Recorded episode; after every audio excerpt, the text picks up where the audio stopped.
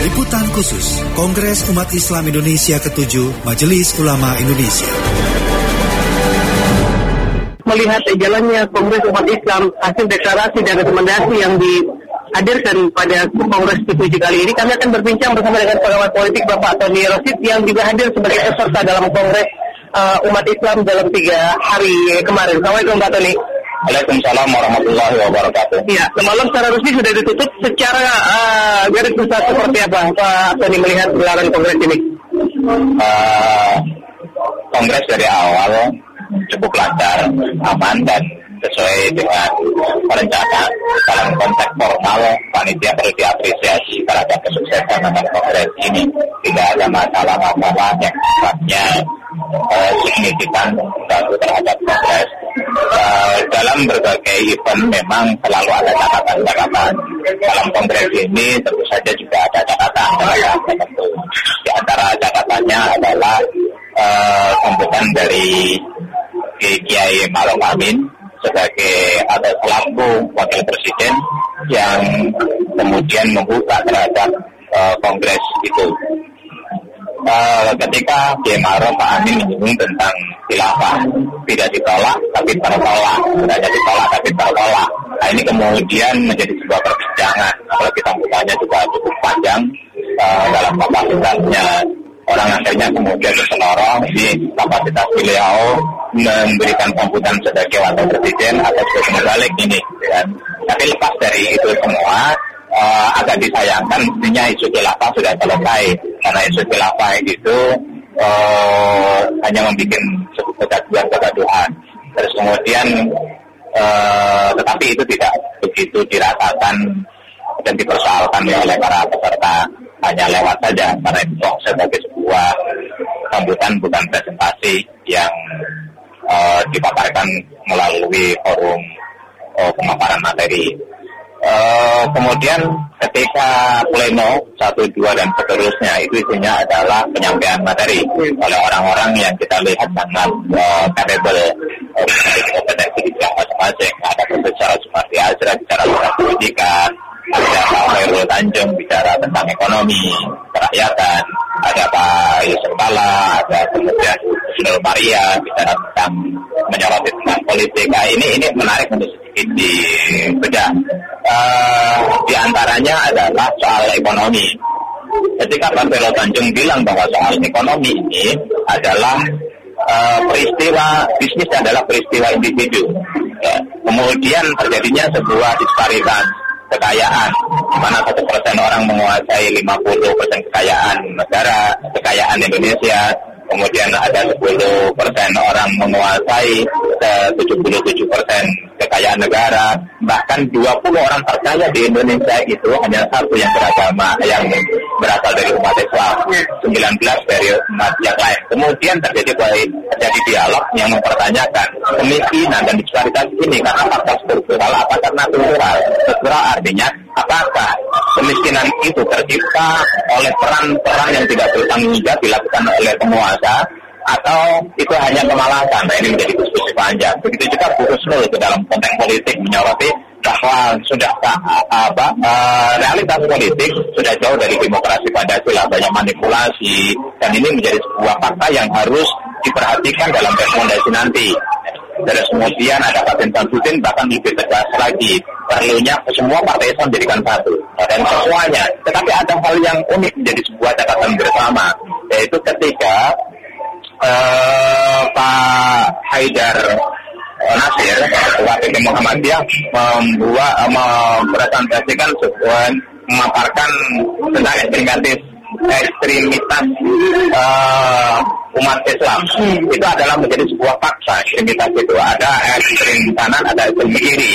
Itu memang bukan untuk dibiarkan bukan untuk dikucilkan atau bahkan orang yang tidak ekstrem dituduh ekstrem ya dikonotasikan ekstrem tetapi mereka yang dianggap berbeda yang dirangkul menjadi satu kesatuan umat ya kan? Terus kemudian bahkan beliau menyinggung tentang ekstrem tengah. Ini yang menarik ya ketika beliau menyinggung ekstrem tengah itu pada tepuk tangan pada teriak audiens. Ah, apa gerangan yang terjadi sehingga itu itu muncul? Karena memang sebelumnya ada presentasi Ya, yang mewakili Bapak saya tadi diwakili oleh Bapak Isomuddin menyinggung soal kelompok ekstrim dari umat Islam, bahkan menyebut nama organisasi di antaranya adalah Majelis Mujahidin Indonesia, MMI, FPI, dan juga HTI. Padahal di situ hadir juga ketua MMI, juga hadir pengurus pusat dari FPI. Ini jadi presiden. Kemudian rame sampai kemudian Isomuddin itu uh, diminta untuk berhenti bicara dalam proses tanya jawab karena mereka karena dianggap membuat gaduh. Mereka menganggap bahwa Kongres Umat Islam ini dalam rangka untuk mengokohkan persatuan, mengkonsolidasikan kekuatan umat, tapi justru dirusak oleh narasi yang oleh NMI menganggap itu bagian daripada fitnah.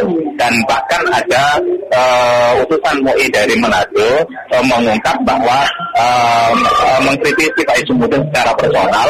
Beliau adalah orang yang menjadi saksi ahli dalam persidangan Ahok pada saat uh, proses pada saat uh, kasus penistaan agama. Oh, kemudian situasi makin gaduh itu. Untung kemudian diberhentikan karena sudah tidak kondusif untuk untuk itu dengan bahasa-bahasa seperti itu. Nah, ini menjadi sebuah catatan FPI kabarnya sudah mengirim surat protes kepada panitia Kongres Umat Islam ketujuh ini keberatan mereka atas apa yang diungkapkan oleh Isomuddin dan ini memang tidak boleh terjadi lagi. Karena kongres seharusnya uh, menjadi sebuah media untuk mengkonsolidasikan kekuatan umat, mendorong semua pihak untuk memperjuangkan apa yang menjadi harapan, cita-cita dan juga keinginan umat, bukan justru memporak-porandakan kekuatan yang sedang dibangun untuk mengakomodir semua aspirasi umat. Ini persoalan yang menurut saya uh, sangat serius dan diperhatikan. Ah, menjadi catatan lagi ketika rekomendasi tentang uh, rancangan undang-undang PKS. Semua sekarang teriak, ramai luar biasa. Ya. Uh, ada yang menganggap bahwa ini kecolongan. Ada pihak-pihak. Nah, perlu dipahami sebenarnya ini sudah ada di draft sebelumnya sebelum masuk komisi atau ini hasil dari diskusi di sidang komisi atau ini adalah merupakan masukan dari tim perumus hmm. yang biasanya tim perumus itu antara 5 sampai 7 orang masing-masing komisi. Nah ini sedang dilacak sebenarnya pemain. Kalau sampai kemudian terjadi bahwa di draft tidak ada, dalam diskusi tidak ada, tapi ada di rumusan, maka ada uh, orang yang kata Ustaz Banjar Nasir ada uh, penyelundup yang bekerja yang tidak tidak sesuai dengan hasil dari sidang komisi. Bisa dikatakan Pak Tony bahwa hasil kongres ini mau tidak mau dalam tanda kutip seperti itu dipengaruhi oleh uh, kekuatan pemerintah? Kalau kita belum bisa membuat sebuah kesimpulan seperti itu. Yang jelas uh, ada yang bermain di sini itu menjadi kecurigaan yang sedang dicari datanya maka perlu dilacak apakah betul uh, tuduhan itu stigma itu asumsi itu bahwa ada pihak-pihak yang bekerja uh, di luar harapan dari panitia, di luar harapan dari MUI dan di luar harapan dari peserta kongres. Maka di dalam sidang komisi itu itu kan draft sudah dibuat melalui tiga tahap sebelumnya di MUI. Setelah dibuat kemudian dikaji melalui diskusi di sidang komisi. Pada saat di sidang komisi kemudian membentuk tim perumus untuk merumuskan dari hasil diskusi itu. Nah, apakah ini ya uh, tentang uh, eh, RUU PKS ya itu sesungguhnya sudah ya, sudah ada di draft. Kalau sudah ada di draft, kenapa itu masuk? Kemudian apakah itu muncul pada saat diskusi di bidang komisi atau justru muncul pada saat diperlukan oleh beberapa orang yang terbatas atau bahkan muncul setelah itu ketika mau diumumkan tidak pernah dirumuskan di bidang komisi dan oleh tim perumus tidak ada di draft lalu di dalam proses beberapa jam sebelum penutupan itu kemudian muncul. Dan konon katanya dulu lima tahun atau sepuluh tahun yang lalu ketika kongres itu pernah terjadi. Tidak pernah ada di draft, tidak pernah dibahas di sidang komisi, bahkan tidak ada di dalam rumusan oleh tim perumus, tetapi tahu-tahu muncul di akhir Nah, ini kelemahan perlu menjadi sebuah evaluasi. Mestinya sidang komisi setelah tim perumus kemudian itu diverifikasi dan diskusi evaluasi melalui sidang pleno. Nah, saya tidak tahu kenapa panitia itu membuat sebuah pilihan bahwa sidang pleno itu isinya seminar pemaparan-pemaparan yang langsung terjadi di setiap organisasi sidang komisi dulu baru sidang pleno sehingga semua yang dibahas di komisi itu kemudian di floor ya dikaji oleh semua dari berbagai komisi sehingga menjadi teruji dan akhirnya menjadi kesepakatan bersama. Kalau sedang kemudian draft lalu di komisi lalu perumus sebenarnya yang paling berhak paling paling uh, berpengaruh di sini adalah tim perumus. Dan tim perumus itu bisa tidak memasukkan semua aspirasi. Dan tim perumus itu bisa uh, apa merumuskan sesuai dengan kehendaknya. Nah, di sisi menurut saya adalah sebuah kelemahan. Jadi kalau kemudian ada rekomendasi yang tidak sesuai dengan aspirasi mayoritas dari Kongres, ini karena proses yang menurut saya perlu dievaluasi. Jadi kalau kemudian dari pihak Kongres sendiri itu banyak protes karena memang tidak ada pleno dari hasil komisi. Ini persoalan yang menurut saya perlu. Di mana pun Muhammadiyah, NU, al atau MI, TNI, INN, ketika atau ormas-ormas yang lain, ketika mereka uh, membuat sebuah kongres atau membuat sebuah muktamar atau apa pun bahkan di partai itu ada yang namanya sidang komisi dulu, baru kemudian diklu melalui sidang pleno sehingga semua bertanggung jawab terhadap uh, rumusan apa pun yang dihasilkan dalam sidang itu. Uh, semalam sudah ditutup langsung harapan tahun ini dengan adanya kongres ini uh, agar tidak menjadi sebuah acara seremonial belaka seperti apa?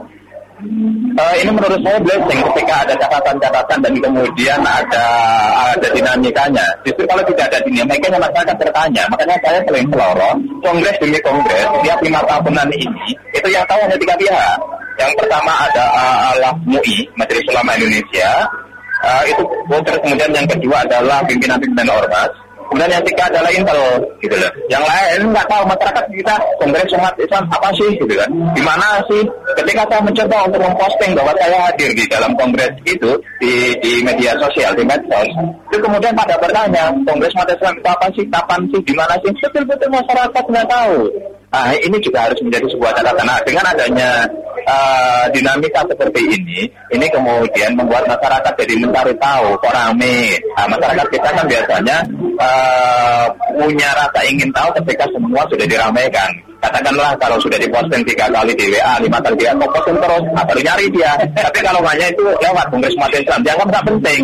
Dan karena itu selama, uh, selama ini setiap lima tahunan seperti semacam ritual. Ah, usulan lagi, mestinya Kongres, saya sudah bicarakan dengan beberapa teman yang hadir, Kongres itu mestinya sebelum pemilihan presiden, sebelum pilpres, jangan setelah pilpres, sebelum pilpres, sehingga ada rekomendasi-rekomendasi, termasuk untuk transformasi kepemimpinan, termasuk untuk transformasi transformasi yang nilai, ya, yang akan dititipkan kepada calon pemimpin yang akan datang. Bukan ini sudah program pemimpin yang sudah berjalan dan seterusnya baru ada kongres gitu. Nah, ini ini ini penting. Nggak usah takut lah kemudian itu dipolitisir. Karena kongres ini memang didorong untuk membuat sebuah nilai-nilai. Nah, rekomendasi politik perlu diperhatikan. Dalam rekomendasi di komisi politik ada ada uh, kemudian masukan baru. Saya masukkan di situ. Yang pertama adalah bahwa partai-partai politik Islam Islam atau partai-partai berbasis umat Islam itu mesti satu dengan yang lain saling menguatkan dalam rangka memperjuangkan aspirasi umat. Selama ini mereka saling melemahkan, mereka jalan sendiri-sendiri. Yang kedua adalah bagaimana partai-partai Islam ini e, membangun koalisi permanen. Kalau PKB, P3, apa PKB, P3, PAN dan PKS itu koalisinya bermanen, kemudian kuat. Ini udah 20 persen kalau calon presiden bisa dan koalisi yang lain akan mengikut.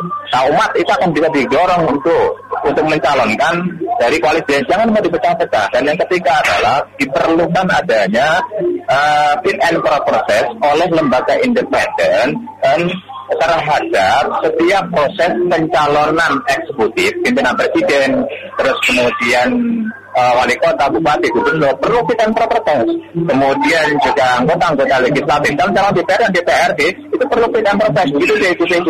Jangan mereka mau fit and proper test pejabat, calon-calon pejabat tinggi negara seperti KPK dan sebagainya. Sementara mereka sendiri tidak pernah melalui sebuah proses fit and proper test. Ya, ini ini ini penting. Ya itulah bagian daripada rekomendasi yang sudah dirumuskan di, di Komisi Politik uh, begitu juga uh, banyak rekomendasi yang lain yang bagus. Pak Tani terima kasih. Assalamualaikum warahmatullahi wabarakatuh. Ya, rekan demikian tadi kami berbincang bersama dengan pengamat politik Bapak Tani Rasid yang juga hadir sebagai uh, peserta pada Kongres Umat Islam Indonesia ke-7 yang berlangsung di Bangsa Belitung. Demikian rekan data liputan khusus Kongres Umat Islam dari tanggal 26 hingga 29 Februari 2020 langsung dari Novotel Pangkal Pinang, Sifat dalam melaporkan kembali ke studio. Liputan khusus Kongres Umat Islam Indonesia ke-7 Majelis Ulama Indonesia.